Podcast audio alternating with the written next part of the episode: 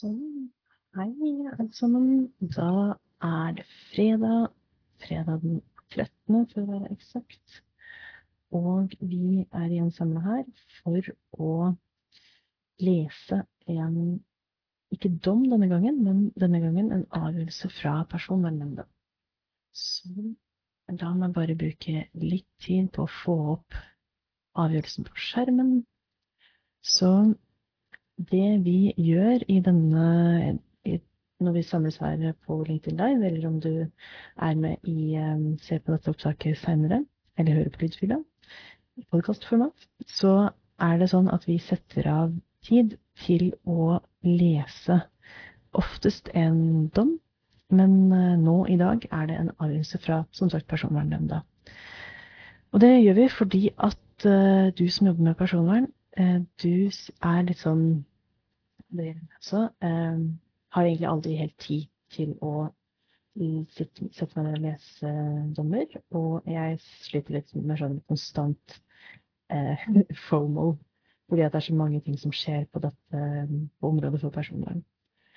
Så derfor eh, tar vi oss eh, Så prøver vi å ha en eh, Jeg prøver å ha en personvernpraksis hvor jeg setter meg ned sånn Setter en time eh, i uka hvor jeg leser en dom. Og denne dommen her, eller denne avgjørelsen her, det er da den første dommen Jeg kommer til å si dom veldig mange ganger. Den første avgjørelsen som jeg leser til norsk. Så det gleder jeg meg også til. Og så gleder jeg meg også fordi at dette er en sak som hvor Grinder i 2021 fikk eh, et overtredelsesgebyr på 65 millioner kroner. Um, da den kom, så husker jeg at det var, eh, det, var det er en av de største bøtene, om ikke den største, som det norske datatilsynet har gitt. Og eh, ja, eh, så kan dere jo legge merke til at denne avgjørelsen fra nemnda kom jo da ja, litt over ett og et halvt år etter at avgjørelsen fra Datatilsynet kom, så dette her er saker som tar ganske lang tid. La oss bare starte. Um, det er da en dom som Jeg kommer til å si dom veldig ofte. Jeg mener avgjørelsen. Det er en avgjørelse som gjelder utlevering av personopplysninger uten gyldig samtykke. Så det er liksom hoveddelen med den. Um, ja, la oss bare begynne å lese. Saken gjelder klage fra Grinder, eh, RLC, nå Inc., på Datatilsynets vedtak eh, 13.12.2021, der tilsynet ga Ila Grinder et overlevd overtredelsesgebyr på 65 millioner kroner for å ha utlevert personopplysninger av særlig kategori uten rettslig grunnlag i perioden 20. juli 2018 til 7. april 2020. Jf. personvernforordningen artikkel 6 nummer 1 artikkel, og artikkel 9 nummer 1. Sakens gang. La oss eh, lese sakens gang. Vi pleier ofte å hoppe over det, fordi at eh, jeg er veldig dårlig på prosess. Men la oss prøve å lese hele denne avgjørelsen eh, nå. Ok, sakens gang. Den 14. januar 2020 mottok, mottok Datatilsynet tre klager mot Grinder, som Forbrukerrådet i samarbeid med European Center for Digital Rights, None of Your Business, som er eh, organisasjonen til Max Schrems, sendte inn på vegne av en norsk registrert bruker av Grinder. Den registrerte ønsket selv å være anonym, og som vedlegg til klagen fulgte en fullmakt til representasjon i sak som fremmes med hjemmel i artikkel 20 Unnskyld. Artikkel 80 eh, eh, nummer 1 i den generelle personvernforordningen. Klagen gjaldt Grinders deling av personopplysninger om sine norske brukere med ulik, ulike analyse- og annonseselskaper til bruk for markedsføring. Klagene baserte seg på funn i Forbrukerrådets rapport Out of Control How Consumers are, Exploited by the Online Advertising Industry og en teknisk rapport utarbeidet av selskapet Monic på oppdrag fra Forbrukerrådet.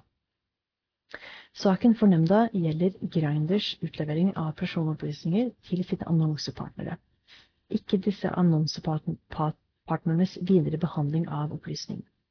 De ulike annonsepartnerne har derfor heller ikke opptrådt som parter i saken for Datatilsynet. Datatilsynet ba, ba Grinder om en redegjørelse 24.2.2020. Grinder redegjorde for sin behandling av personopplysninger 22. mai 2020.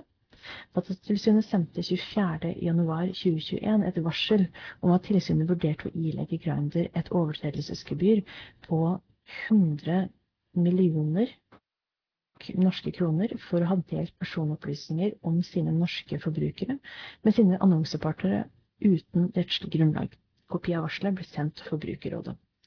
Grindr ga sine merknader til varselet 8. mars 2021. Forbrukerrådet ga sine merknader til varselet 15. mars 2021. Bare hvis dere er ikke så veldig familiære med saksgangen på disse sakene, så kan dere bare legge merke til hvor lang tid det tar da, fra du fra du begynner en sak til, eh, til du er ferdig. Ja, til, eh, til, neste skritt i saken er oppe. Datatilsynet ba om en ytterligere redegjørelse fra Grinder 29. april 2021.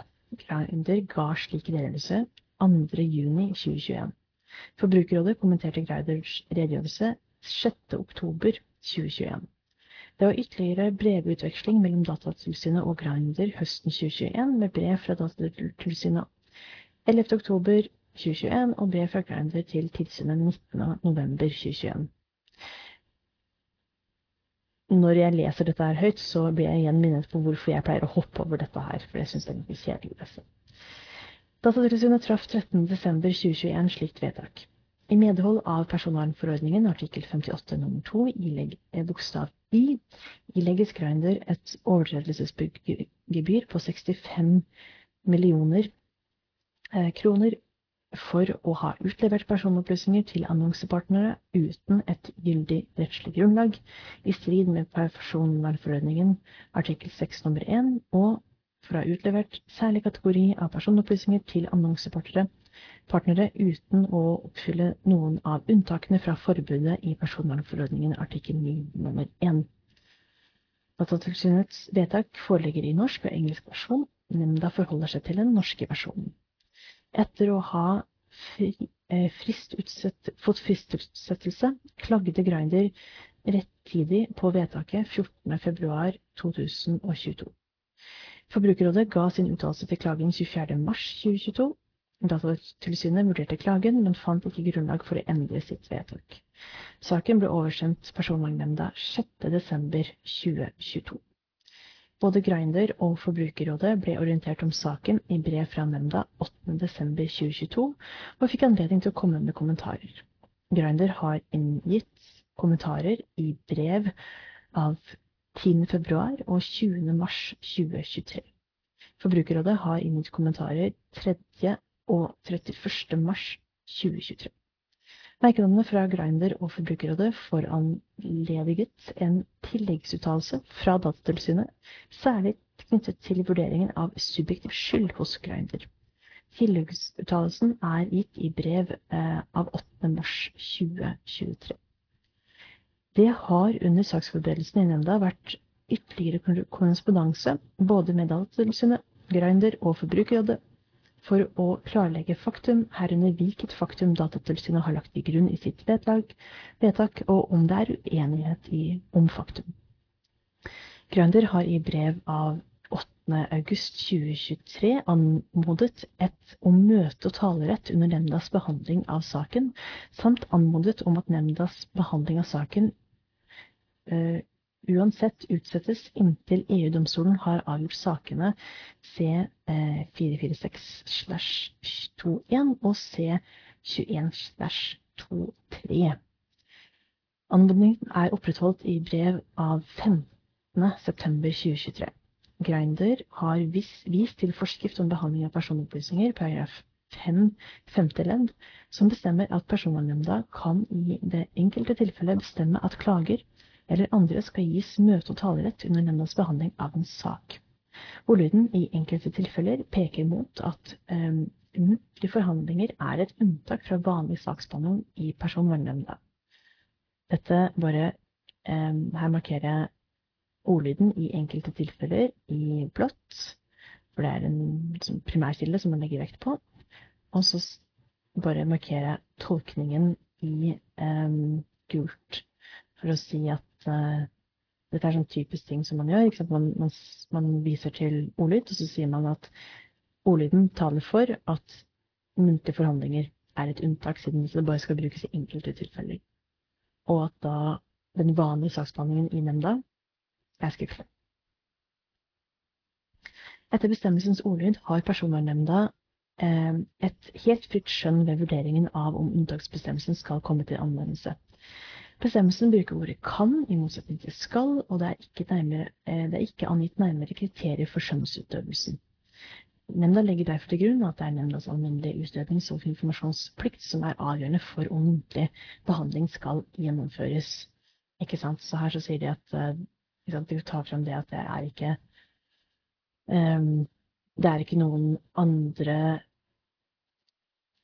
uh, Hva skal jeg si Noen andre kriterier eller noen andre eller noen andre kilder som kan være med å eh, sette føringer for om man skal bruke eh, man skal bruke muntlig forhandling. Og da, nemnda da kan nemnda bestemme selv det er det liksom, at nemnda har skjønn eh, betyr. Og det som da er liksom formålet som skal oppnås, det er jo det at nemndas alminnelige utrednings- og informasjonsplikt er avgjørende. Så sant, her så leser jeg litt mellom linjene at nemnda sier sånn Hvis vi trenger det for å opplyse saken, da, eh, da har vi muntlig forhandling. Men hvis vi ikke trenger det, så, så er ikke det nødvendig. Dette er min tolkning. Saken er behandlet over flere møter 25. april, 31. mai, 20. juni og 15.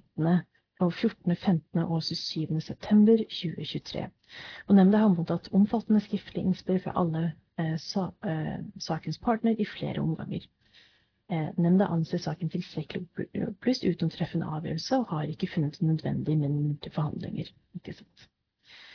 Når det gjelder spørsmålet om utsettelse av nemndas behandling av saken i påvente av EU-domstolens avgjørelser i sak C446-21 og sak C21-23, har Grinder vist til at utfallet og EU-domstolens avklaringer knyttet til fortolkningen av forordningen artikkel 9 kan ha direkte innvirkning på saken her. Personvernnemnda vil komme tilbake til spørsmålet om rekkevidden av artikkel 9, og nøyer seg her med å nevne at nemnda ikke har funnet grunnlag for å utsette saken i påvente av EU-domstolens avgjørelser i de nevnte sakene. Mm -hmm. um, jeg tror at vi har lest en av de i hvert fall. Skal vi se. Uh, la meg bare åpne uh, Skal vi se Det var 21, 23 og 446. Mm.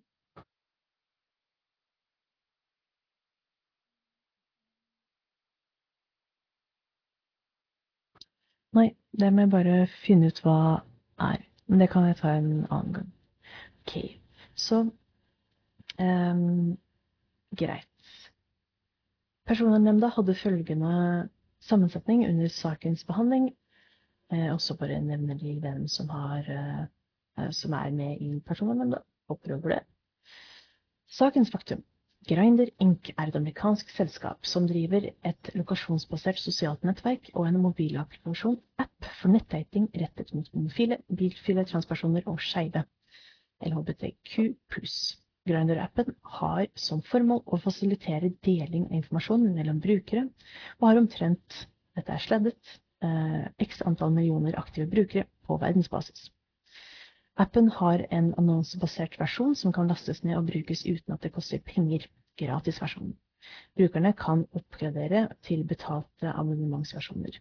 I tidsperioden for denne saken var det tilbud om to betalingsversjoner, henholdsvis ekstra eller unlimited, som inkluderer flere funksjoner og er uten annonser.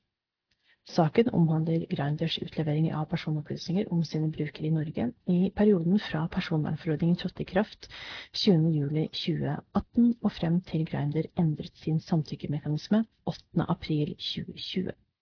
Grinder har opplyst at de for kalenderårene 2018, 2019 og 2020 hadde en gjennomsnittlig henholdsvis, og dette, er, eh, er, eh, dette tallet er um, sensurert eller sladda ut, um, x antall aktive månedlige brukere i Norge.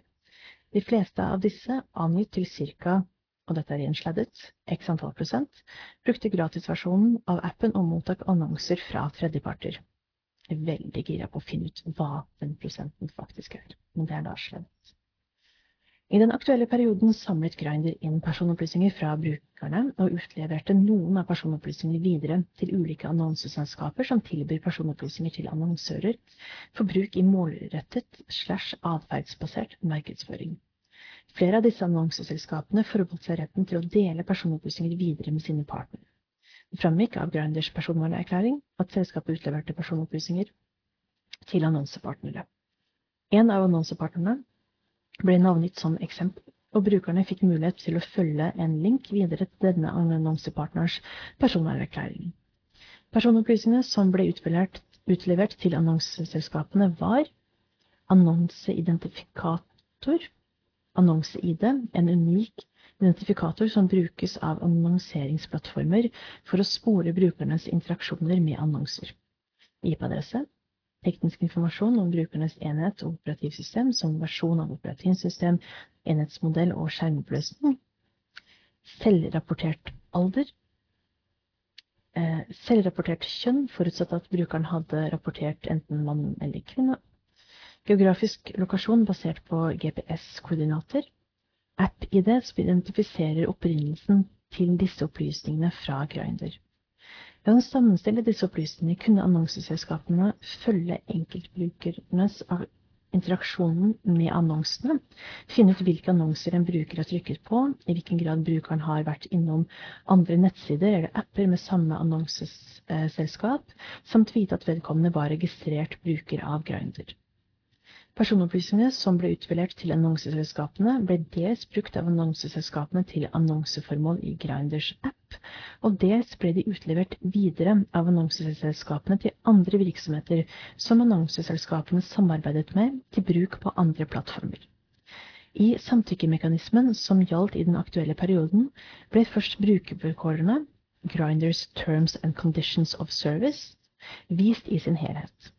Når brukeren trykket på 'Proceed', kom det opp et vindu med teksten 'I accept the terms of service', og med de klikkbare svaralternativene 'Cancel' og 'Accept'.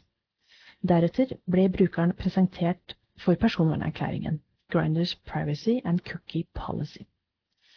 Det er i denne erklæringen de aktuelle formuleringene om utlevering av personopplysninger til annonseselskapene med formål å eksponere brukerne for atferdsbasert markedsføring fremkommer.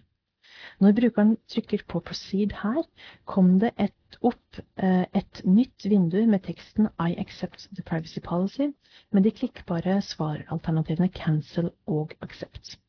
Personvernerklæringen ble presentert på det språket brukeren angav på enheten, språkinnstilling. Hvis Grinder ikke tilbød det språket brukeren hadde valgt, mottok brukeren personvernerklæringen på engelsk. Brukere med norsk språkinnstilling fikk personvernerklæringen på engelsk med mindre de valgte et annet fremmedspråk. Dersom brukeren ikke aksepterte brukervilkårene og personerklæringen, var videre registrering ikke mulig, og brukeren ville ikke kunne åpne opp. Det var ikke mulig å reservere seg mot utlevering av personopplysninger til annonsepartnere i selve Grindr-appen. Under overskriften How we use your information i personvernerklæringen informeres brukeren i kulepunkt 12 Third Party Advertising Companies først om hvilke personopplysninger som utleveres til annonsepartnerne. Om brukerens mulighet til å velge bort atferdsbasert markedsføring heter det i samme kulepunkt. See the Your Choices selection of this policy for information on your ability to opt out of interest-based advertising.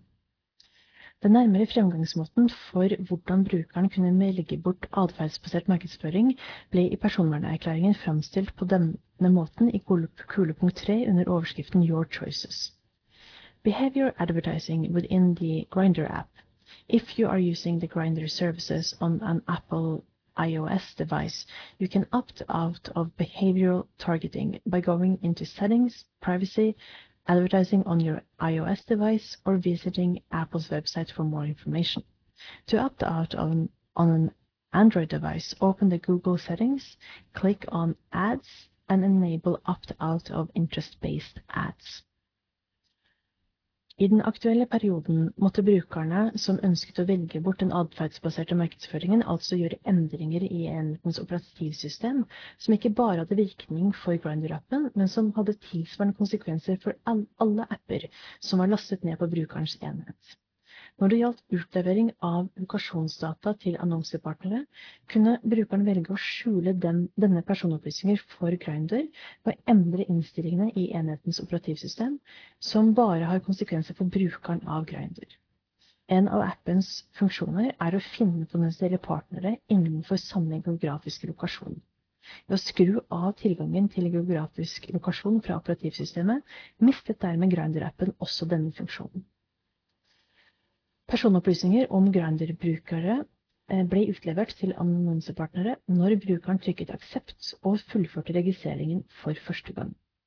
Først etter at brukeren hadde fullført registreringen, fikk vedkommende en vedvarende mulighet til å oppgradere til en betalt versjon, ekstra eller unlimited, som var uten tredjepartsreklame og uten deling av personopplysningene til eh, annonseselskapene.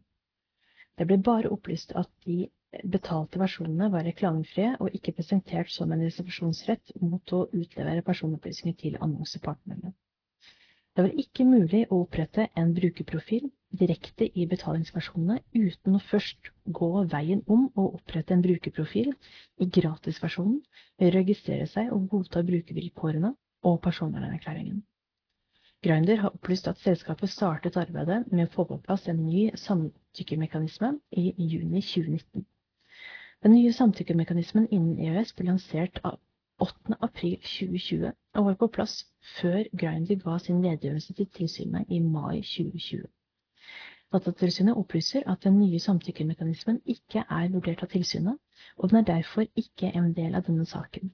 Tilsynet har likevel vektlagt endringen i sin utmåling av gebyret. Bra.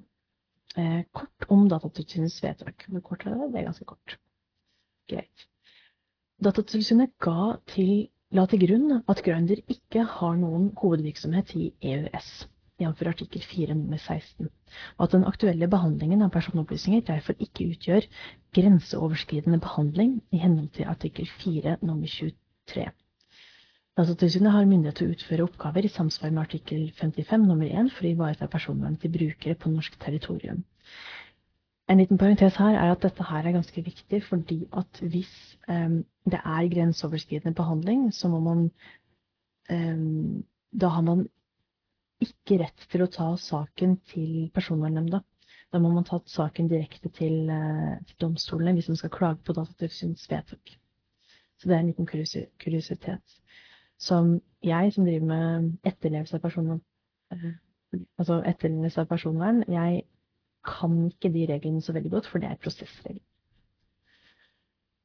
Um, yes. Og så regner jeg også med at det er relevant for um, ikke sant, at de ikke har noen hovedvirksomhet i EØS. Altså de har ikke noe, noe hovedkvarter i EU-EØS. Uh, fordi at hvis de hadde hatt det, så måtte Datatilsynet i det landet hvor de har hovedkvarter, da er det den tilsynsmyndigheten som i utgangspunktet blir hovedtilsynsmyndighet om å behandle den, den klagen her, da. Um, ja. Samtidig så er det sånn at Datatilsynet, som de sier her, har myndighet til å utføre oppgaver i samsvar med artikkel 55 for å ivareta personvernet til brukere på norsk territorium. Og det er annet det de har gjort i, i um, Meta-saken, hvor uh, saken for så vidt også gikk direkte da til det var et eksempel på at den saken måtte klages direkte til, um, til, til tingretten. Man uh, kunne ikke gå veien om personvernnemnda. Rett og slett for at det var en grenseoverskridende behandling. Litt av parentes der, altså. Ok, la oss uh, lese videre. Datatilsynet har for det første konkludert med at Grinder ikke hadde gyldig behandlingsgrunnlag for sin utlevering av personopplysninger i personvernforordningens artikkel 6 nummer 1 bokstav F. Samtykke F er ikke samtykke. F er berettiget interesse. Eh, samtykke er bokstav A. Ja, samme det. Grønder oppfylte ikke vilkårene om at samtykke Ja, de, mener A. Ok.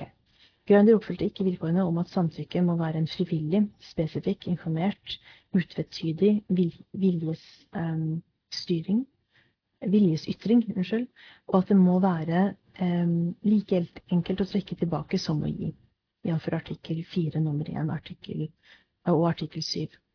For det andre har Datatilsynet kommet til at Grindr ved å dele opplysninger om sine brukere har utlevert opplysninger av særlig kategori, jf. personvernforordningen artikkel 9 nummer 1. Opplysninger om en fysisk persons seksuelle forhold eller seksuelle orientering. Utlevering av informasjon om den registrerte sammen med informasjon om at den registrerte er en Grindr-bruker, er tilstrekkelig til at, at opplysningen faller inn under artikkel 9 nummer 1. Dette er da det Datatilsynet mener, og det blir spennende å se hvordan Personvernnemnda eh, vurderer dette her. Jeg er, ganske, jeg er veldig enig med Datatilsynet her. Dette er en særlig kategori personopplysninger, men det skal bli fint å se eh, hva nemnda også mener om det. Deling av opplysninger av særlig kategori er forbudt, med mindre det foreligger rettslig grunnlag i artikkel nummer to. Dette er også en sånn endring mellom GDPR og direktivet, er at i utgangspunktet så er det forbudt å behandle særlig kategori personopplysninger, med mindre du finner et unntak. Og etter jeg skal ikke 100 si om det var sånn som i direktivet, men i den norske lovgivningen så var det sånn du har lov til å behandle personopplysninger når det var, en, det var, en, bestemmelse som var utformet litt på samme måte som artikkel 6 i GDPR. At du kan behandle disse personopplysningene på følgende grunnlag. En liten parentes til der, altså. Ehm, etter Datatilsynets vurdering forelegger det ikke slikt rettslig grunnlag, verken etter artikkel 9 nummer 1 bokstav A, samtykke, ehm, eller bokstav E, opplysninger som det er åpenbart at den registrerte har offentliggjort. Bare la meg åpne eh, personvernforordningen. Bare dette er sånn som gjør det, men uh, Skal vi se Fordi uh, Og dette er Jeg beklager at jeg gjør dette her, men eh, noen ganger så Noen ganger så er det på sin plass å pirke. skal vi se Yes, artikkel 9. Ja. Uh, det var det jeg tenkte. Så Rett um, Skal vi se Rett um, mm, Ja. Så det er ikke artikkel 9 nummer 1 bokstav A. Nummer 1 har ingen, ingen bokstaver, så det er nummer 9 nummer 2 bokstav A. Det er, men det er en detalj. Eller bokstav E, eh, opplysninger som det er åpenbart at den registrerte har eh, offentliggjort. Yes. Etter å ha konkludert med at Grinder har brutt personvernforordningen, går Datatilsynet gjennom de momentene tilsynet anser som relevante for vurderingen av om overtredelsesgebyr skal ilegges etter personvernforordningen artikkel 83 nummer 2 bokstav A til K. Datatilsynet kommer til at både de subjektive og de objektive vilkårene for å ilegge um, overtredelsesgebyr er oppfylt, og at karakteren, alvorlighetsgraden og varigheten av overtredelsen samt tilstedeværelsen av flere skjerpende omstendigheter peker i retning av at et overtredelsesgebyr er formålstjenlig. Dette er interessant, dette kan jeg veldig lite om. Dette gleder jeg meg til å lese mer om. Datatilsynet hadde varslet et overtredelsesgebyr på 100 millioner kroner. I sitt endelige vedtak ble overtredelsesgebyret redusert og satt til 65 millioner kroner. Tilsynet begrunnet reduksjonen i at Grinders omsetning var i nedre sjikt av det tilsynet hadde lagt til grunn for varselet, og at Grinders iverksatte endringer for å utbrede de påpekte manglene i appen ble i, vektlagt i formidlende retning. -hmm. Yes. Um, Vet du hva, jeg har litt lyst til å hoppe over uh, Grinders klage og gå rett på Skal vi se uh,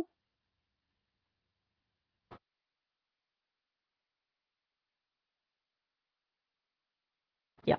Jeg tror jeg leser um, uh, La oss lese Grinders sine anførsler også, for å. OK. Grønners klage i korte trekk. Grinder deler ikke særlige kategorier av personopplysninger. Nedlasting og bruk av appen avslører ingen informasjon om brukernes konkrete seksuelle orientering.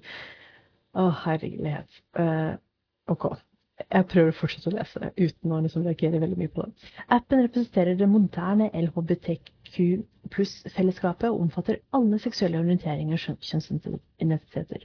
Appen har ingen krav om at brukerne må identifisere seg som LHBTQ pluss, eller kvalifisere seg som sexual minority, gay, bi, trans or queer, eller community of pairs. Appen er åpen for brukere med alle seksuelle orienteringer, herunder brukere som er usikre på sin seksuelle orientering. Datatilsynet argumenterer gjennomgående for en vid tolkning av personvernforordningens artikkel 9 første ledd. En slik tolkning vil imidlertid kun gjelde der de aktuelle opplysningene uttrykkelig identifiserer enkeltpersoner som sexual minorities i henhold til Datatilsynets forståelse. Her skjønner jeg ikke argumentasjonen. Det, det, er veldig, det er veldig vanlig å si at du skal ha en vid tolkning av diverse begreper. EU-domstolen gjør det hele tiden. Og det begrunner de som regel i at formålet med GDPR, med forordningen eller direktivet før forordningen, var å gi best mulig beskyttelse, best mulig personvern til EU-borgerne. Um, så OK. I EBAB-saken fra mars 2017 um, bekreftet forvaltningsdomstolen i Berlin at enhver indirekte identifikasjon knyttet til særlig kategori av personopplysninger ikke er tilstrekkelig til å begrunne anvendelsen av personvernforordningen artikkel 9 første ledd. Tilsvarende må gjelde her. Nå har vi jo fått en domstol som sier at eh, eh, navnet Altså det, er, det, skal ganske lite til, da. Indirekte identifiserbare altså in, Hvis noe indirekte sier noe om at du tilhører en særlig kategori, så skal det eh, legges til grunn som en særlig kategori.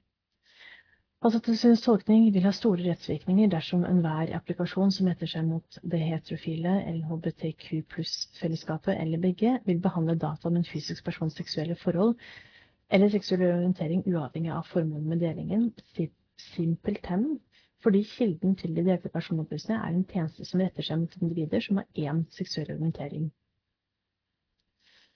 Det generelle forbudet mot å behandle opplysninger om personens seksuelle forhold eller orientering etter artikkel 9 nummer 1 gjelder kun når behandlinger tjener eller kan tjene et forbud ehm, et forbudt formål, f.eks. For å fastsette en persons seksuelle orientering. Grindr behandler ikke brukernes data for å trekke noen slutning om deres seksuelle Ok, vet du hva? Jeg gidder ikke å lese dette her, fordi det er bare tull. sorry. Uh, sorry. Uh, mm -hmm. Ok. Eh, jeg tror jeg går til personvernnemndas vurdering, ja, og så går vi Ja, vi kjører på der. Um, ja, jeg beklager. Jeg har hatt en lang uke, og jeg, jeg gidder ikke å lese argumenter som jeg vet er humbug.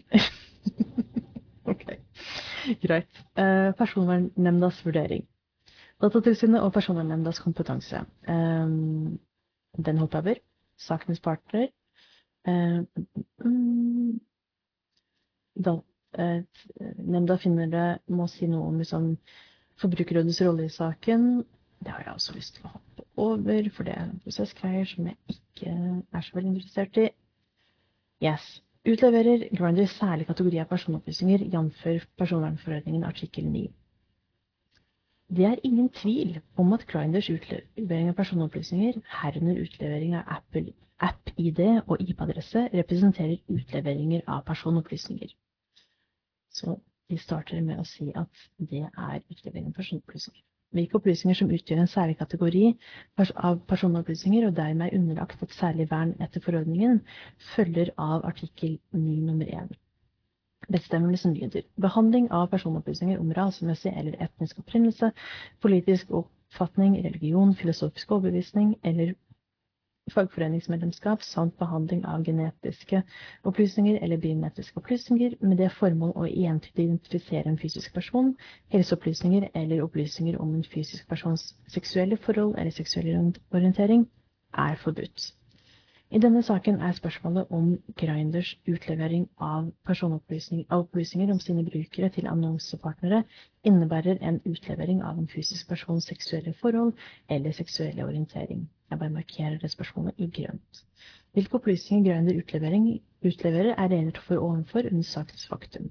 Det utleveres ingen opplysninger om seksuelle forhold utover opplysningen om at vedkommende person er en registrert Grindr-bruker. Ikke sant. Spørsmålet for nemnda er om dette representerer en opplysning omfattet av artikkel 9 nummer 1. Nemnda har kommet til at opplysningen om at en person er en registrert bruker av datingappen Grindr, i seg selv er en opplysning om en eh, persons seksuelle forhold eller seksuelle orientering. Så da markerer jeg bare det i rødt, for det er en konklusjon. Um, og at Grinders utlevering av nevnte type opplysninger dermed innebærer en behandling av opplysninger som er omfattet av forbudet i artikkel 9 nummer 1. Nemnda vil begrunne sitt standpunkt nærmere i det følgende. Nemnda vil først peke på at personvernforordningen har som formål å sikre vern av fysiske personers grunnleggende rettigheter og friheter, særlig deres rett til vern av personopplysninger, jf. artikkel 1 nr. 2. Personopplysningene som oppfattes av særlige kategorier av personopplysninger i artikkel 9 nr. 1, er gitt et særlig vern. Det framgår av forordningens fortalepunkt 51, jeg bare markerer det fortalepunkt 51 i blått, fordi at det er det er uh, kilden. At dette er personopplysninger som av natur er sensitive med hensyn til det, grunn, det grunnleggende uh, rettigheter og friheter, og som fortjener et særskilt vern. Greit å bare notere seg det òg. Eh, ettersom sammenhengen de behandles i kan skape betydelig risiko for de grunnleggende rettigheter og friheter. Yes, ikke sant? Særlige kategorier det er typisk eh, kategorier av personopplysninger som folk har blitt forfulgt på bakgrunn av historisk sett. Eh, da trenger de et ekstra vern. Det er imidlertid ikke sammenheng eller, sammenhengen eller formålet med behandlingen som avgjør om personopplysningene er av særlig kategori. Det er de utvalgte opplysningstypene i seg selv som avgjør dette. Hmm. Yes. Nemnda har funnet støtte for denne vurderingen i storkammeravgjørelsen fra EU-domstolen i sak OT versus oh, det. Um, C 184 uh, slash 20. Um, den har vi lest fra 1. august 2022. Saken gjaldt et lituansk Eh, forvaltningsorgans publisering av erklæringer på nettet knyttet til private interesser for offentlige tjenestemenn. Publiseringen ble gjort som ledd i åpenhetsforpliktelser etter nasjonal lov for bekjempelse av korrupsjon. I lister av erklæringer som ble offentliggjort, ble det fjernet en del informasjon av åpenbar antatt sensitiv karakter. Listen inneholdt likevel fortsatt informasjon om navnet på samboer, eh, ektefelle eller partner. Spørsmålet i saken var om offentliggjøring av slike opplysninger var egnet til å indirekte avsløre seksuell legning med videre, og derfor utgjøre en behandling av særlige kategorier av personopplysninger. EU-domstolen la til grunn at begrepet særlig kategori av personopplysninger i artikkel 9 nr. 1 må tolkes vidt, og konkluderte med at det er tilstrekkelig for å bli omfattet av begrepet at opplysninger om en fysisk persons seksuelle orientering indirekte kan utledes av informasjonen. Yes. Domstolen mener at en god tolkning av bestemmelsen har støtte i formålet med personvernforordningen, som er å sikre et høyt nivå for beskyttelse av fysiske personers grunnleggende rettigheter og fri, eh, friheter, især retten til privatlivets fred. Her har de den danske eh, oversettelsen av dommen. Mm. I avsnitt 127 til 128 uttaler EU-domstolen. Følgelig kan disse bestemmelser ikke fortolkes således at behandlingen av personopplysninger som indirekte kan avsløre følsomme opplysninger om en fysisk person, er unntatt fra den skjerpede beskyttelsesordningen der er fastsatt i de nevnte bestemmelser, idet den effektive virkningen av denne forordningen og den beskyttelse av fysiske personers grunnleggende rettigheter og friheter som den tilsier at Eh, å sikre, eh, ellers ville blive, blive brakt i fare. En litt sånn ja, norskifisering av oversettelsen min der, men poenget her er at eh, hvis du ikke tolker det på denne måten, så eh, kommer det i strid med kan det komme i strid med formålet, som er å beskytte folks grunnleggende rettigheter og friheter innen personvern. Jeg hopper over det sitatet der også, fordi at vi har lest den dommen. Eh, poenget er at, eh, ja, at de konkluderer med at den opplysningen om navnet til partner, partneren din, kjæresten din, ektefellen din, det sier indirekte noe om din seksuelle orientering, og derfor er en særlig kategori personopplysning om deg. Og for så vidt også partneren din. Grindr er et sosialt nettverk og en mobilapplikasjon for nettdating rettet mot homofile, bifile, transpersoner og skeive. Grindr markedsfører seg som verdens største sosiale nettverksapplikasjon for gay, bi, trans and queer people, og applikasjonen markedsføres som Grindr Gay Dating and Chat på AppStore, og som Grindr Gay Chat på Google Play. Selv om brukere på Grindr har mange ulike seksuelle orienteringer, herunder også heterofil orientering, vil man ved å registrere en profil på Grindr blir assosiert med LHBTQ pluss-fellesskapet. Selv om den korrekte orienteringen ikke fremkommer, sier opplysningen om at du er en bruker på Grindr at du med stor sannsynlighet har en seksuell orientering som er annerledes enn flertallet. Yes, folkens. Eh, etter nemndas syn er det, er det tilstrekkelig til at opplysningen omfattes av um, artikkel 9 nummer 1. Godt poeng. Godt poeng. Nemnda ser ikke at uh, EBAB-saken, som Grønder har vist til, er relevant for spørsmålet i denne saken. EBAB-saken gjaldt utlevering av personopplysninger om homofilvennlige utleiere som ønsket å leie ut boliger til homofile. Domstolen la til grunn at det ikke var grunnlag for en slutning om at utleierne var homofile selv om de hadde betegnet seg som homofilvennlige. Ved å registrere seg som bruker på et datingnettsted for homofile, bifile, transpersoner og skeive, signaliserer man en sterkere tilknytning til et miljø som sier noe om seksuell orientering, enn om man betegner seg som homofilvennlig. Godt poeng. Jo med at faktum var annerledes, anses saken ikke relevant, og det er ikke nødvendig å gå nærmere inn på rettskildevekten av denne avgjørelsen. Mm, mm, mm. Nemnda understreker at forbudet i artikkel 9 nummer 1 mot behandling av personopplysninger om fysiske personers seksuelle forhold eller seksuell orientering ikke bare gjelder seksuelle minoriteter, men favner alle seksuelle forhold og orienteringer. Mm. Jepp. Jepp. Ikke sant? Det at du er heterofil, selv om du hører til majoriteten, er også en særlig kategori. Bestemmelsens ordlyd er nøytral og gir ikke holdepunkter for å skille mellom minoritet og majoritet. Jepp. Nemnda legger etter dette til grunn at en datingside eksplisitt for heterofile derfor også vil falle inn under de samme reglene. Oh, dette er Ok, jeg blir litt gira her nå, men dette her er en, et oberdiktum. Altså, dette hadde ikke nemnda trengt å si for å avgjøre denne saken, men det sier nemnda, og det er litt morsomt. Ah, ah, ok. Eh, nemnda finner støtte for sitt standpunkt i EU-domstolens storkammeravgjørelse C252-21 av 4. juli 2023, Metasaken. Også en sak vi har lest.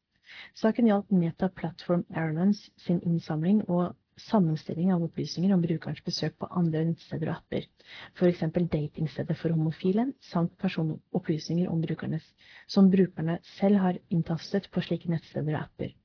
Et av spørsmålene som EU-domstolen tok stilling til, var hvorvidt innsamling og videre sammenstilling av opplysninger som omhandlet brukernes besøk og inntasting på nettstedene appene, gjør behandling av særlige kategorier av personopplysninger utgjør behandling av særlige kategorier av, av opplysninger fordi nettstedene inneholder opplysninger omfattet av artikkel nummer 1.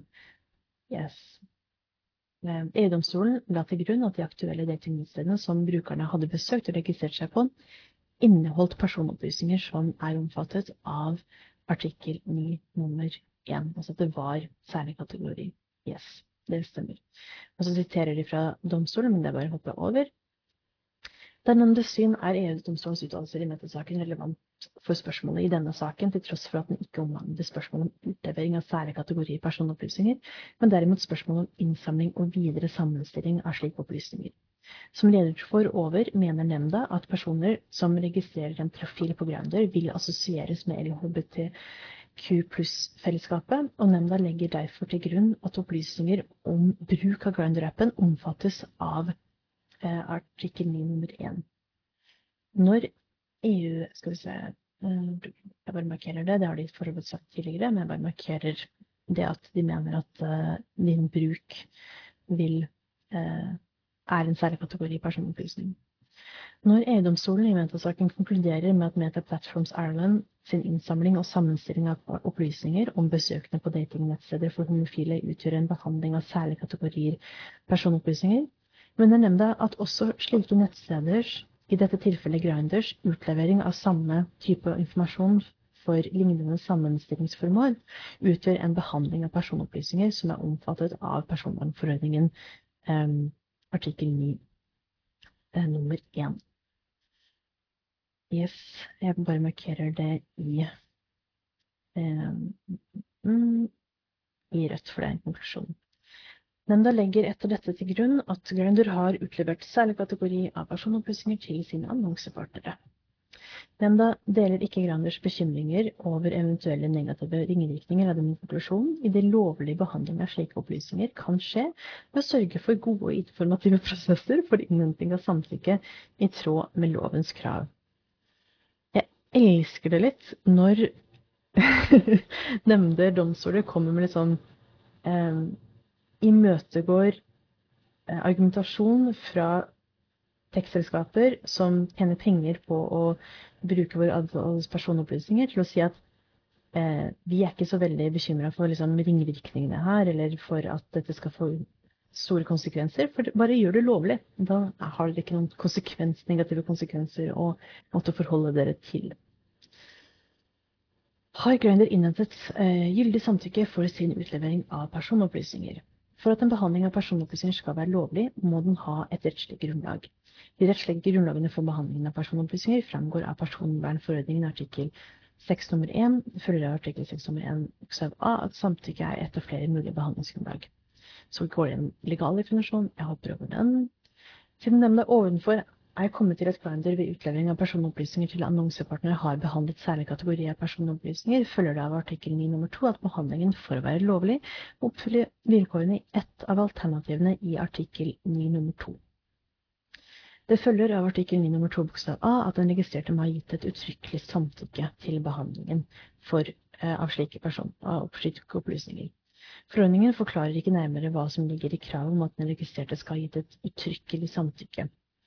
Nemnda legger til grunn at formuleringen uttrykkelig om ikke, eh, ikke innebærer et skal vi se, unnskyld meg. Nemnda legger til grunn at formuleringen uttrykkelig ikke innebærer et skjerpet samtykkekrav sammenlignet med kravet i artikkel 6 nummer 1 om at eh, samtykke må være en utvetydig viljesytring. Det sentrale for begge kravene er at det ikke må være tvil om at det er avgitt et samtykke. Yes. Bra putter det i oransje, for det er ganske viktig. Når det gjelder krav i artikkel 4 nummer 11, eh, at en viljesytring må være utvetydig, gir fortollepunkt 32 en viss veiledning. Samtykke vil være utvetydig dersom det er gitt f.eks. i form av en skriftlig, herunder elektronisk eller muntlig erklæring. Ok, Det kan innebære å krysse av i en boks under et besøk på et nettsted, velge tekniske innstillinger for informasjonssamfunnstjenester eller en annen eh, erklæring eller handling eh, som i denne forbindelse eh, tydelig viser at den registrerte godtar den foreslåtte behandlingen av vedkommendes personopplysninger. Taushet, forhåndsavkrysste bokser eller inaktivitet bør derfor ikke utgjøre et samtykke. Sentrale er at den registrerte har handlet på en måte som tydelig viser at vedkommende godtar behandlingen. Nemnda antar at dette også utgjør kjernen i kravet om uttrykkelig samtykke i artikkel 9 nr. 2 bokstav a. En slik tolkning harmoniserer også best med den behandlingsansvarliges plikt etter forordningen artikkel 7 nr. 1 til å påvise at det er gitt samtykke. Personvernrådets retningslinjer om samtykke, guidelines 05-2020 on consent under regulation, um, yeah, under the GDPR basically, tilsier også at det er selve viljesytringen til den registrerte som er det sentrale i kravet om utvetydighet, uttrykkelighet. I avsnitt 75, som gjelder eh, det nærmere innholdet i kravet om at viljesytringen um, her. Eh, Viljesytringen må være utvetydig, heter det bl.a. at samtykke krever en erklæring eller klar bekreftelse fra den registrerte, hvilket betyr at samtykke alltid skal gis ved en aktiv handling. Ikke sant? Aktiv handling. Og i avsnitt 27 presiseres det videre at en klar bekreftelse innebærer at den registrerte skal have handlet bevisst for at de gives samtykke til den pågjeldende behandlingen. Der finnes uh, ytterligere retningslinjer herom i Ja, OK. Uh, sorry, jeg skal ikke prøve å yes. uh, Samtykke kan innhentes ved skriftlig eller um, muntlig erklæring som må tas opp, herunder elektronisk. Og i avsnitt 93 som gjelder det nærmere innholdet i kravet til i artikkel 9 nummer 2 bokstav A om at samtykke må være uttrykkelig, uttaler Personvernrådet følgende. Termen uttrykkelig betegner den måte hvorpå den registrerte avgir samtykke. Det betyr at den registrerte skal avgi en uttrykkelig samtykkeerklæring. Det ville være logisk å få samtykke uttrykkelig bekreftet i en skriftlig erklæring.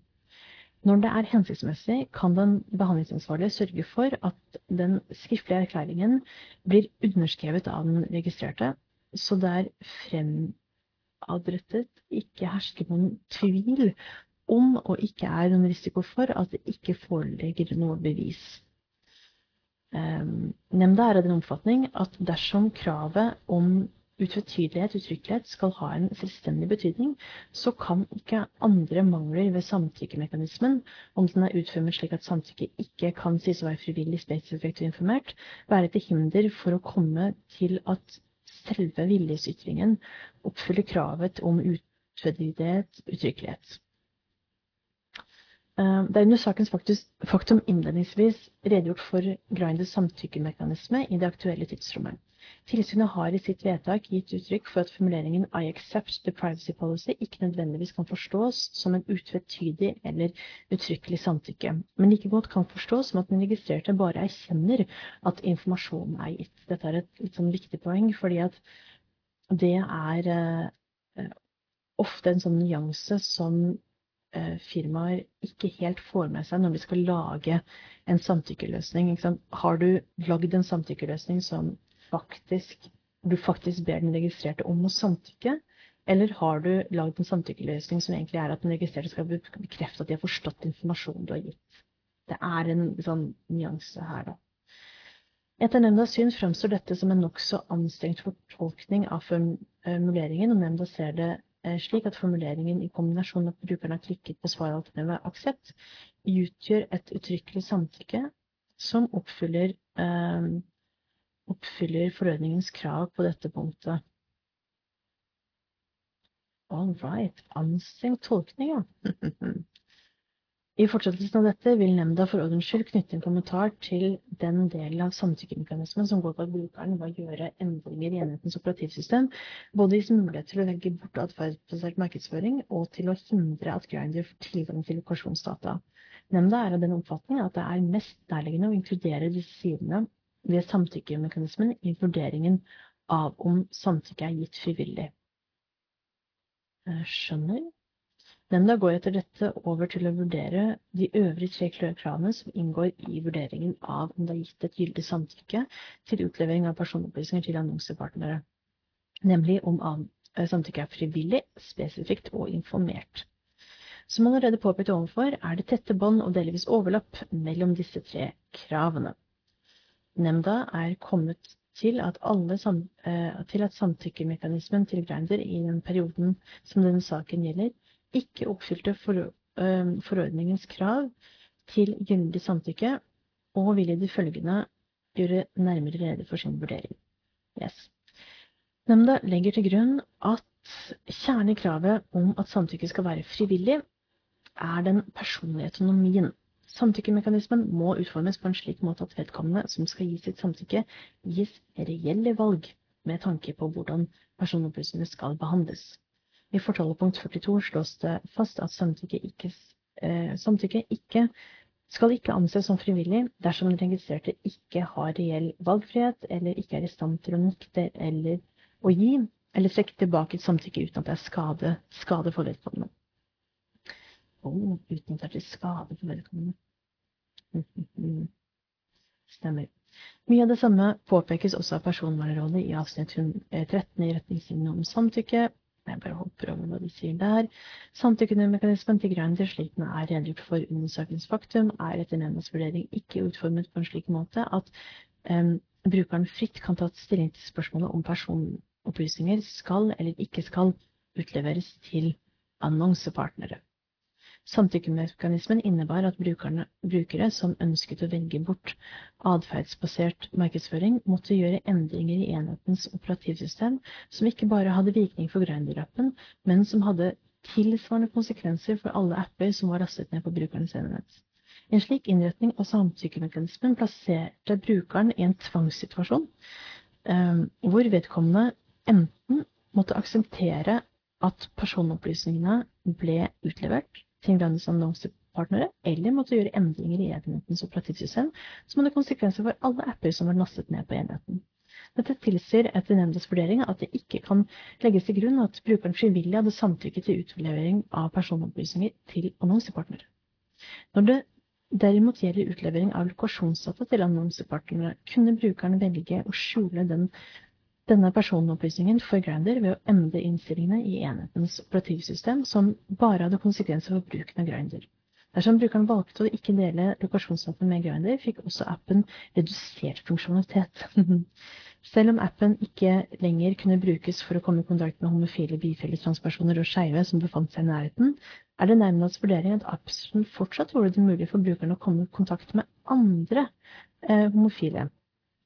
Um, Eh, skal vi se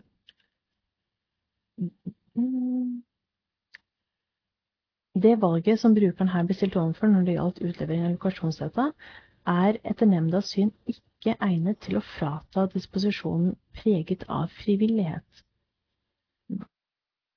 Sant. Samtykkemekanismen til Grinder i den aktuelle perioden var utformet slik at det først var etter at Eh, registreringen var fullført, at den registrerte fikk tilbud om å kjøpe abonnementet på en av betalingsversjonene. At brukeren etter at registreringen er fullført gis muligheten til å kjøpe et abonnement, har slik nemnda vurderte ingen innvirkning på spørsmålet om det eh, samtykket som allerede ble gitt i forbindelse med at brukeren aksepterte personvernerklæringen, var frivillig. Nemnda er enig med Grinder at de ikke har en plikt til å tilby en gratis datingapp, og nemnda anerkjenner at et sentralt trekk ved forretningsmodellen for sosiale medier og applikasjoner er at de registrerte betaler for bruken av sosiale medier og applikasjoner ved å akseptere at deres personopplysninger blir brukt um, kommersielt, skal vi se. Um, uh, F.eks. ved at de utleveres til annonsepartnere.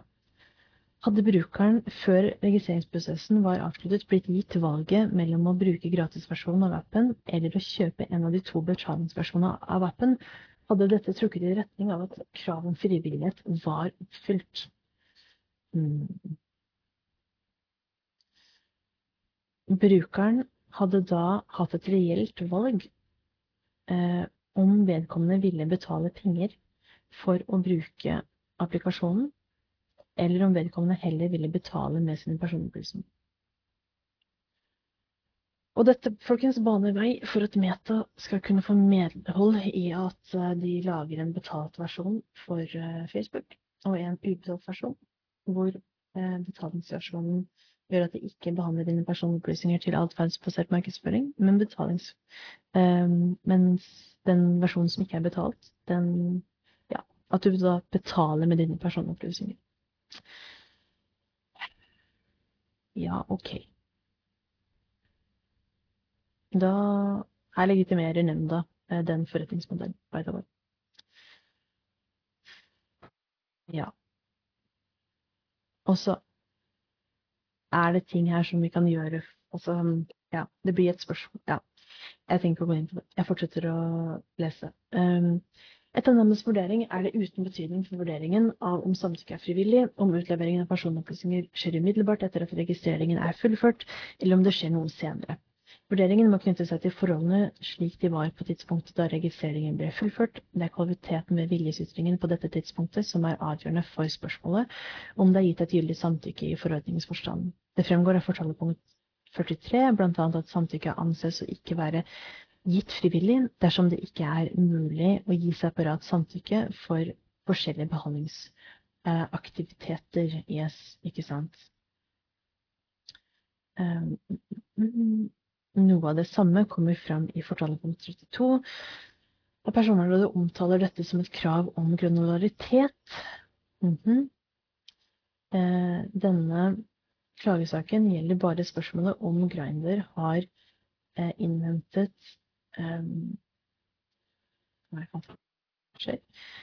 skal vi se uh, Den klagesaken gjelder bare spørsmål om grad og et, et gyldig samtykke fra brukerne til utlevering av personopplysninger til annonsepartnere. Men slik tilskjæring av saken er nemnda av den oppfatning at faktum ikke gir grunnlag for en selvstendig vurdering av dette element, elementet i kravet om frivillighet. Nemnda går så over til å vurdere om samtykkemekanismen er utformet slik at samtykket er spesifikt informert. Mm. Sentralt utgangspunkt for denne vurderingen finnes i artikkel 7 nummer 2.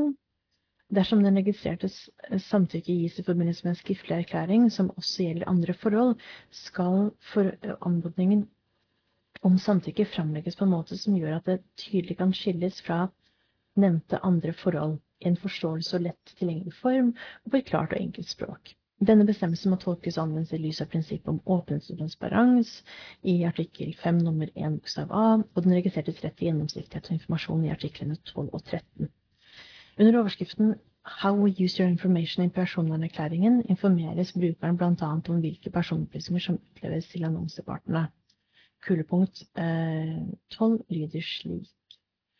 Third party advertising companies will share your hashed device ID, your device's advertising identifier, a portion of your profile in information, distance information, and some of your demographic information with our advertising partners. Note that we do not sell your personal user information to third parties for advertising purposes. Also note that we do not share information about your tribe, about your, H your HIV status with any advertising companies.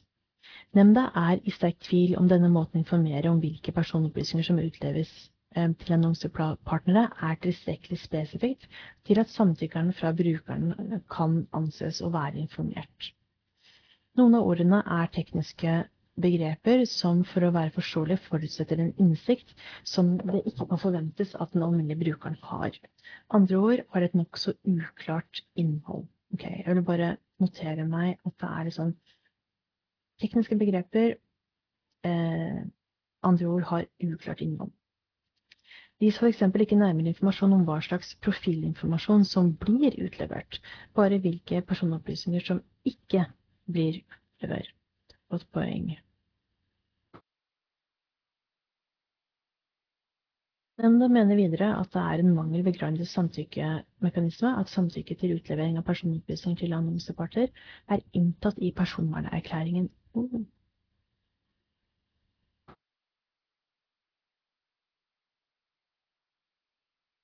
Denne erklæringen redegjør i detalj for hvordan Grinder behandler personopplysninger, og har til formål å oppfylle den behandlingsansvarliges plikter etter forordningens artikkel 13. En personvernerklæring er ikke et dokument som det i utgangspunktet skal samtykkes til. Yes.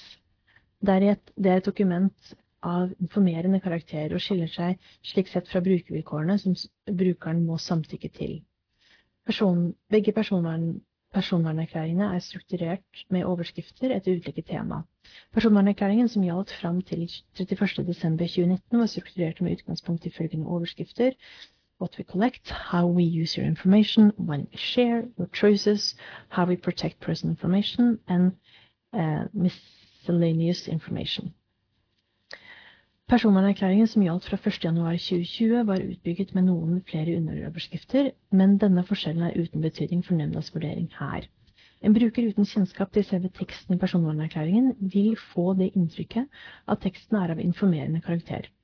Formuleringene i personvernerklæringen som beskriver hvilke personopplysninger som utleveres til annonsepartnere, kan etter nemndas vurdering derfor ikke skilles klart fra annen informasjon som gis eh, den registrerte som bruker. Så da er dere litt inne på den derre nyanseforskjellen som vi um, redegjorde litt for i sted, om at det er en forskjell på altså informasjon som gis i en personvernerklæring, og hvor du eventuelt bes samtykke til at Eller samtykke bekreftet og forstått den informasjonen, og informasjonen som gis i forbindelse med at du skal samtykke til en behandling. De aktuelle formuleringene om hvilke personopplysninger som utleveres til annonsepartnere, er etter nemndas vurdering heller ikke utformet som en anmodning om et samtykke. Yes. At formuleringene inntatt under overskriften Your Choices endrer ikke på dette. Mm. Ikke sant.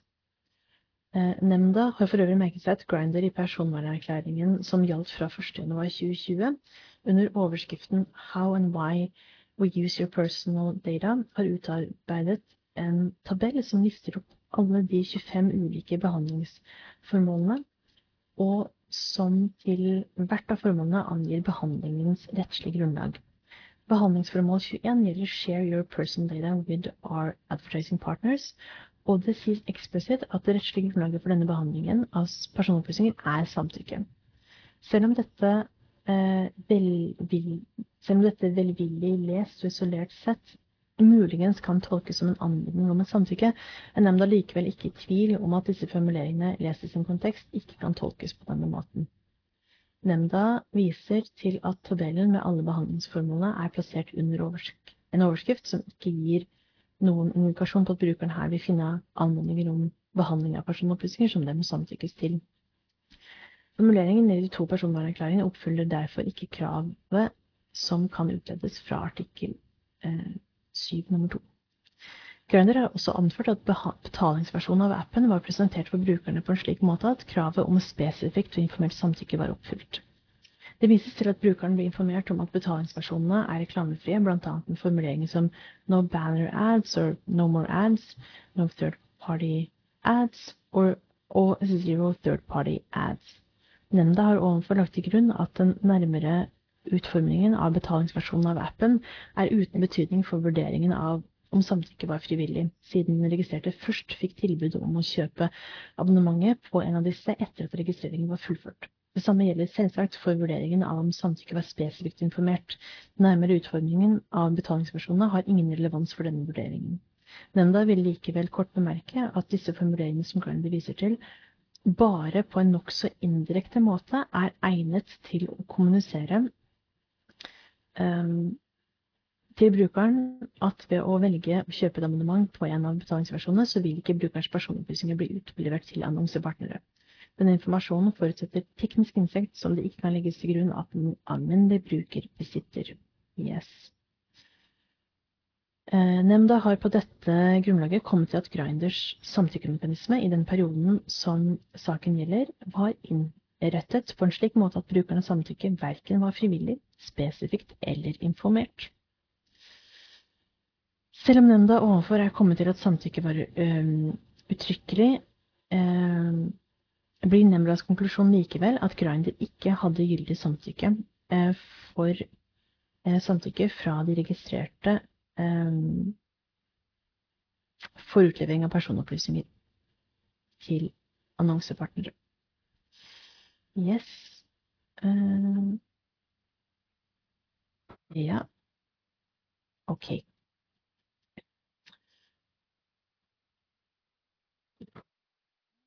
overtredelsesgebyr. Etter personopplysningsloven 26 kan Datatilsynet ilegge behandlings, eh, en, eh, en behandlingsansvarlig overtredelsesgebyr etter personvernforordningen artikkel 83. Det følger videre av artikkel 30, 83 nummer 5 bokstav A at foretak som bryter bestemmelsene i artikkel 6 og 9 kan ilegges et overtredelsesgebyr på opptil um, 20 millioner euro, eller inntil 4% av den samlede globale årsomsetningen i forutgående regnskapsår, der det høyeste beløpet anvendes. Nemnda har overfor konkludert med at Grindr har handlet i strid med artikkel 6 nummer 1 og artikkel 9. De objektive vilkårene for å kunne ilegge overtredelsesgebyr er dermed i utgangspunktet oppfylt.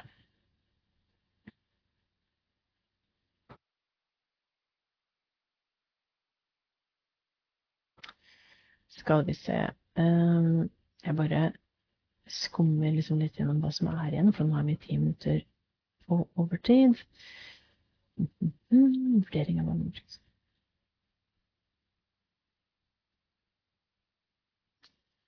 Ja, jeg er veldig lite interessert i um, la, oss, la oss likevel prøve å lese dette her. Dette er da um, noen um, noen anførsler fra Grinder som personvernnemnda eh, ja, ønsker å svare på.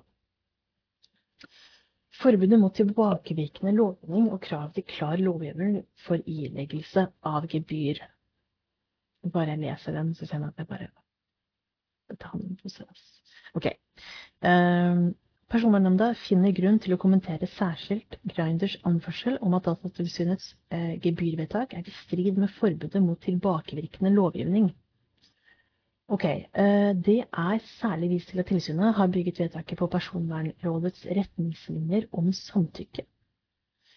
Eh, disse ble først vedtatt 4. mai 2020, og Grinder har anført at disse ikke kan legges til grunn for vurderingen av behandling av personopplysninger som fant sted i den perioden som denne klagesaken gjelder, nemlig fra forordningen trådte i kraft 20. 20. juli 2018 og frem til samtykkemekanismen ble endret 8. Eh, april 2020.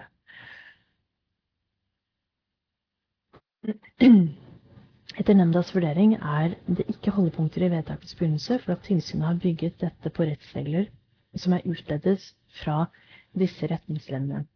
Nemnda har i sin praksis gitt uttrykk for at slike retningslinjer har begrenset verdi som rettskilde, men har lagt til grunn at de gir nyttig veiledning siden de gir uttrykk for forvaltningspraksis hos tilsynet i EU og EØS. Og så viser de til tidligere avgjørelser fra nemnda.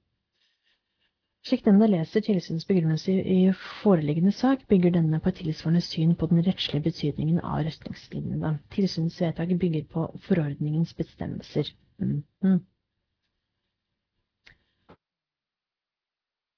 Videre anfører Grinder at tilsynets fortolkning av forordningens samtykkebestemmelser ikke kommer klart nok til uttrykk i ordlyden, og følgelig ikke, følgelig ikke i tilstrekkelig grad ivaretar kravet om forutberegnelighet. Praksis fra Menneskerettighetskonvensjonen i Strasbourg, EMD, gir gode holdepunkter for hva som nærmere ligger i kravet til klar lovhjemmel og forutberegnelighet i Den europeiske menneskerettighetskonvensjonen. Nemnda nøyer seg med å vise til Chances versus Frankrike, Grand Chamber Judgment of 15th of May 2023. I avsnittene 125-127 oppsummeres med henvisning til tidligere dommer fra EMD de sentrale elementene i kravet til klar lovhjemmel um, uh, i EMK. That person must be able to, if need be, when appropriate uh, advice, to foresee to a degree that is reasonably reasonable in the circumstances the consequences which a given action may entail. Accordingly, many laws are inevitably uh, couched in terms which, to a greater or lesser extent, are vague and whose interpretation and application are questions of practice.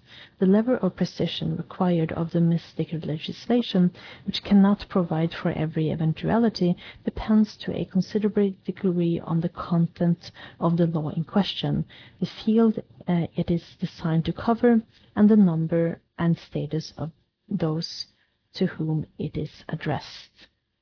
Um, jeg skal bare markere um, lista av de tingene som de uh, avhenger av. A margin of doubt in relation to borderline facts does not therefore by itself make a legal provision unforeseeable uh, in its um, uh, application. Nor does the mere fact that a provision is capable of more than one construction mean that it fails to meet the requirement of foreseeability for the purposes of the Convention. The novel character of a legal question that has not uh, hitherto hitherto been raised, particularly with regard to previous decisions, is not in itself incompatible with the requirement of accessibility and foreseeability of the law, provided the solution adopted is consistent with one of the possible and reasonably foreseeable interpretations. Det ligger i dette at EMD aksepterer at det nærmere innholdet i vage formulerte lovbestemmelser må finne sin avklaring i praksis, og at dette ikke er i strid med EMKs krav til om klar lovhjemmel og forutberegnelighet. Det er nemndas vurdering at Personvernrådets retningslinjer om samtykke ligger godt innenfor det som kan utredes av fortalen og de aktuelle bestemmelsene i forordningen tolket i sin kontekst, og med utgangspunkt i forordningens formål om å styrke de registrertes vern av egen, egne personopplysninger. I fortsettelsen av dette vil nemnda peke på at disse retningslinjene som ble vedtatt 4. mai 2020 for alle praktiske formål, innebærer en uendret videreføring av artikkel 29-gruppens retningslinjer om samtykke.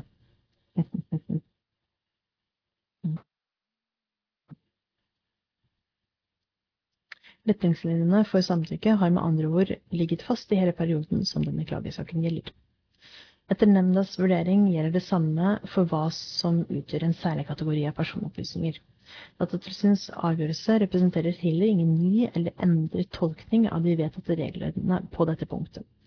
Personopplysningsloven trådte i kraft 20. juli 2018, samme dag som beslutningen inn som innlemmer forordningen i EØS-avtalen trådte i kraft. Personvernforordningen ble vedtatt i EU i, i april 2016 og begynte å gjelde i EUs medlemsland fra 25. mai 2018. Etterfølgende rettskilder som Datatilsynet viser til i sitt vedtak, presiserer og klargjør hva som var gjeldende rett på tidspunktet for Grinders utlevering av personopplysninger om sine brukere til annonsepartnere. En slik rettslig klargjøring er en sentral oppgave for domstolene og representerer ingen endring av rettstilstanden. Bra. Jeg bare markerer det også i rosa, for dette syns jeg er interessant. Særlig om kravet til subjektiv skyld. Mm.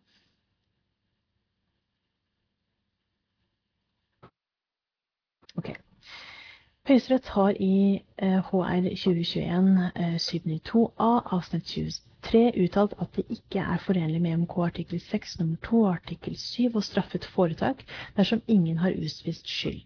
Høyesterett viser til nyere praksis fra Den europeiske menneskerettighetsdomstolen, hvor det kreves en mental link mellom handlingen og de faktiske omstendighetene som statuerer straffeansvaret. Eh, som en følge av denne rettsutviklingen og at overtredelsesgebyr anses å ha karakter av straff, jf. rettstidene 2018 1556, ble forvaltningsloven paragraf 26, unnskyld, 46 endret i 2020, slik at det nå også oppstilles et krav om subjektiv skyld. Um, Uaktsomhet ved ileggelse av overtredelsesgebyr for foretak og offentlige myndigheter, med mindre noe annet er bestemt. Nemnda legger til grunn for vurderingen i denne saken at forordningen oppstilte et krav om subjektiv skyld i dines uaktsomhet hos dem eller de som har opptrådt på vegne av foretaket, for at overtredelsesgebyr kunne ilegges også i denne perioden, eh, i den perioden denne saken gjelder. Nemnda kan ikke peke ut hvem hos Grinder som har hatt ansvaret for å velge den tidligere etablerte løsningen for innhenting av samtykke, og som etter nemndas vurdering eh, representerer brudd på både artikkel både artikkel 6 nummer 1 og artikkel 9 nummer 1. Det er etter rettspraksis heller ikke et krav om at skylden individualiseres. Mm. Det er greit å dette er prosessregler som jeg ikke er veldig eh, inne i, så jeg bare markerer det, eh, det som står her, at det ikke er et krav om at skylden individualiseres. Både anonyme og kumulative feil kan utgjøre grunnlag for ansvar ved ileggelse av foretaksstraff. Ikke sant. Valg av teknisk eh, løsning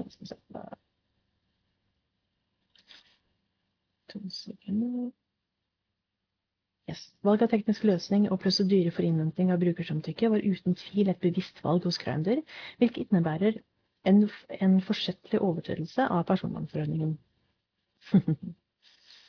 markerer det i, i rødt. Dersom dette, slik det er anført, skyldes uvitenhet hos Grinder om hvilke krav personvernordningen stilte til innhenting av samtykke for utlevering av brukernes personopplysninger til annonsepartnere, dreier det uansett seg om en uvitenhet som ikke er uh, unnskyldelig, og dermed uten betydning for nemndas vurdering om, av om de subjektive vilkårene er oppfylt. Det foreligger dermed en for, eh, forsettlig overtredelse, og både subjektive og objektive vilkår for å innlegge overtredelsesgebyr er oppfylt. Yes. Uh, ja, OK. Vi har ikke sånn kjempemye igjen, så la oss bare fortsette å lese til vi er ferdig med hele avgjørelsen. Vurdering av om overtredelsesgebyr skal ilegges og utmåling av gebyret. Spørsmålet for nemnda er etter dette om det etter personvernforordningen artikkel 83 nummer 2 skal ilegges et overtredelsesgebyr, dersom det ilegges, hvor stort gebyret skal være. Det følger av artikkel 83 nummer 1 at ileggelse av overtredelsesgebyr i hvert enkelt tilfelle skal være virkningsfullt, stå et rimelig forhold til overtredelsen og virke avskrekkende. Jeg bare markerer disse tingene, at det skal være virkningsfullt, eh, stå i et rimelig forhold til overtredelsen og virke avskrekkende. Dette er ting jeg ofte ikke er inne på, fordi eh, driver ikke med prosess. Både ved vurderingen av om det skal ilegges gebyr, og ved utmålingen av gebyret skal det tas hensyn til momentene i personvernforordningen artikkel 83 på bokstavene A til K. Det er for denne vurderingen sentralt å se på overtredelsens karakter, alvorlighetsgrad eh, og varighet.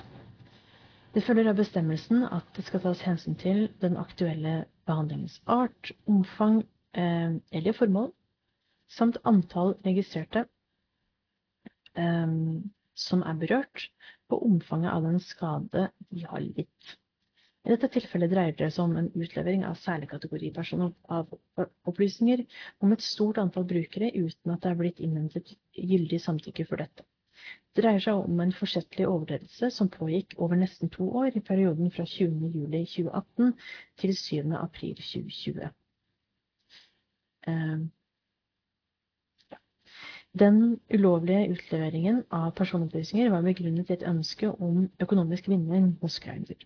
Nemnda legger til grunn at salg av personopplysninger til bruk for atferdsbasert markedsføring har bidratt til finansiering av tjenesten og bidratt til Grinders inntekter.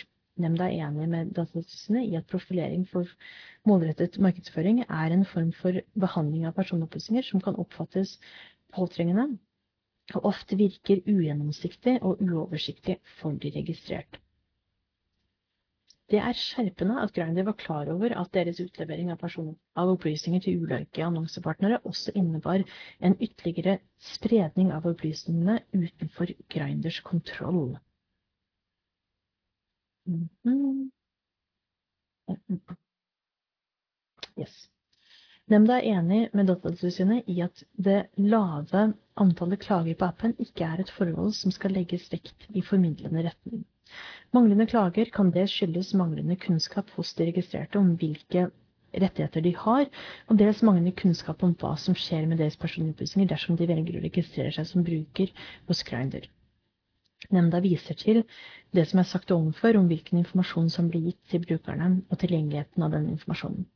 Når det gjelder betydningen av eventuelle tekniske og organisatoriske tiltak etter artikkel 25 og 32, jf. artikkel 83 annet ledd bokstav d, har dette etter nemndas vurdering liten betydning når det, gjelder, når det dreier seg om en forsettlig utlevering av personopplysninger uten gyldig rettslig grunnlag. I tillegg til at Grindr utleverer opplysninger omfattet av artikkel 9 nummer 1, opplysninger om en persons seksuelle forhold eller seksuelle orientering, utleveres også opplysninger om den registrertes geografiske lokasjon. Nemnda er enig med Datatilsynet i at også behandling av denne kategorien opplysninger krever, øh, krever nøye overveielse. GPS-lokasjon kan være særlig avslørende for livet og vanene øh, til de registrerte. Og kan bli brukt uh, Skal vi se brukt til å utlede store mengder informasjon. Eksempel kan lokasjonsdata avsløre hvor den registrerte jobber, eh, og hvor han eller hun bor. Um, dataene kan også brukes for å avsløre potensielt sensitive opplysninger som eh, religion gjennom religiøse eh, forsamlingshus, eller seksuell orientering gjennom stedene som er besøkt. Nemnda deler Datatilsynets vurdering av at behandlingen av den registrerte geografiske lokasjon etter omstendighetene kan være eh, svært inngripende og har et potensial for misbruk dersom personopplysningene deles med behandlingsansvarlig som har stort ønske. Nemnda har etter dette kommet til at det er riktig å ilegge Greider et overtredelsesgebyr, jf. personopplysningsloven § 26, jf. personvernforordningen artikkel 83.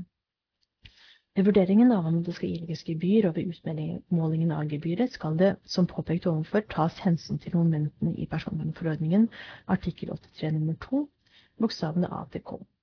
Personvernnemnda viser derfor til sin vurdering ovenfor.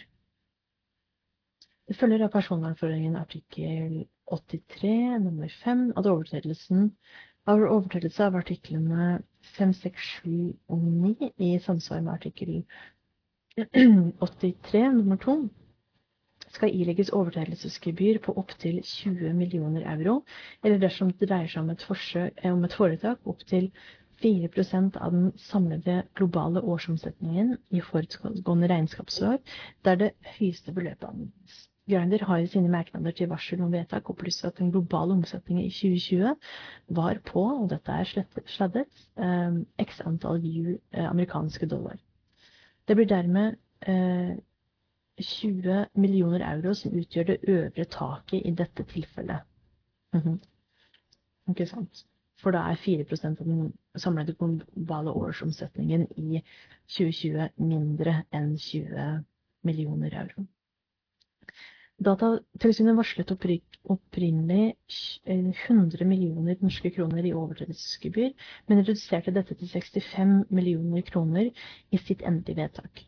Reduksjonen fra opprinnelig varsel om 100 millioner kroner til 25 millioner kroner, 25, 65 millioner kroner var i vedtaket begrunnet med at Grinders omsetning var i nedre sjikt av det tilsynet la til grunn i, i varselet, samt at Grinder iverksatte tiltak for å utbedre manglene ved deres tidligere samtykkemekanismer ble vektlagt i formidlende retning. Personvernnemnda har ikke funnet noen grunn til å endre størrelsen på det fastsatte gebyret. Datatilsynet har i sitt vedtak drøftet de innvendingene Grinder har hatt til det utmålte gebyret, og gitt sin redegjørelse for hvorfor gebyret er satt høyere i dette tilfellet enn i andre saker pekt på Grinder. Nemnda er enig i de vurderingene tilsynet der gir uttrykk for. Det utmålte gebyret utgjør mindre enn 30% av det maksimale beløpet personvernforordningen åpner for i eh, dette tilfellet.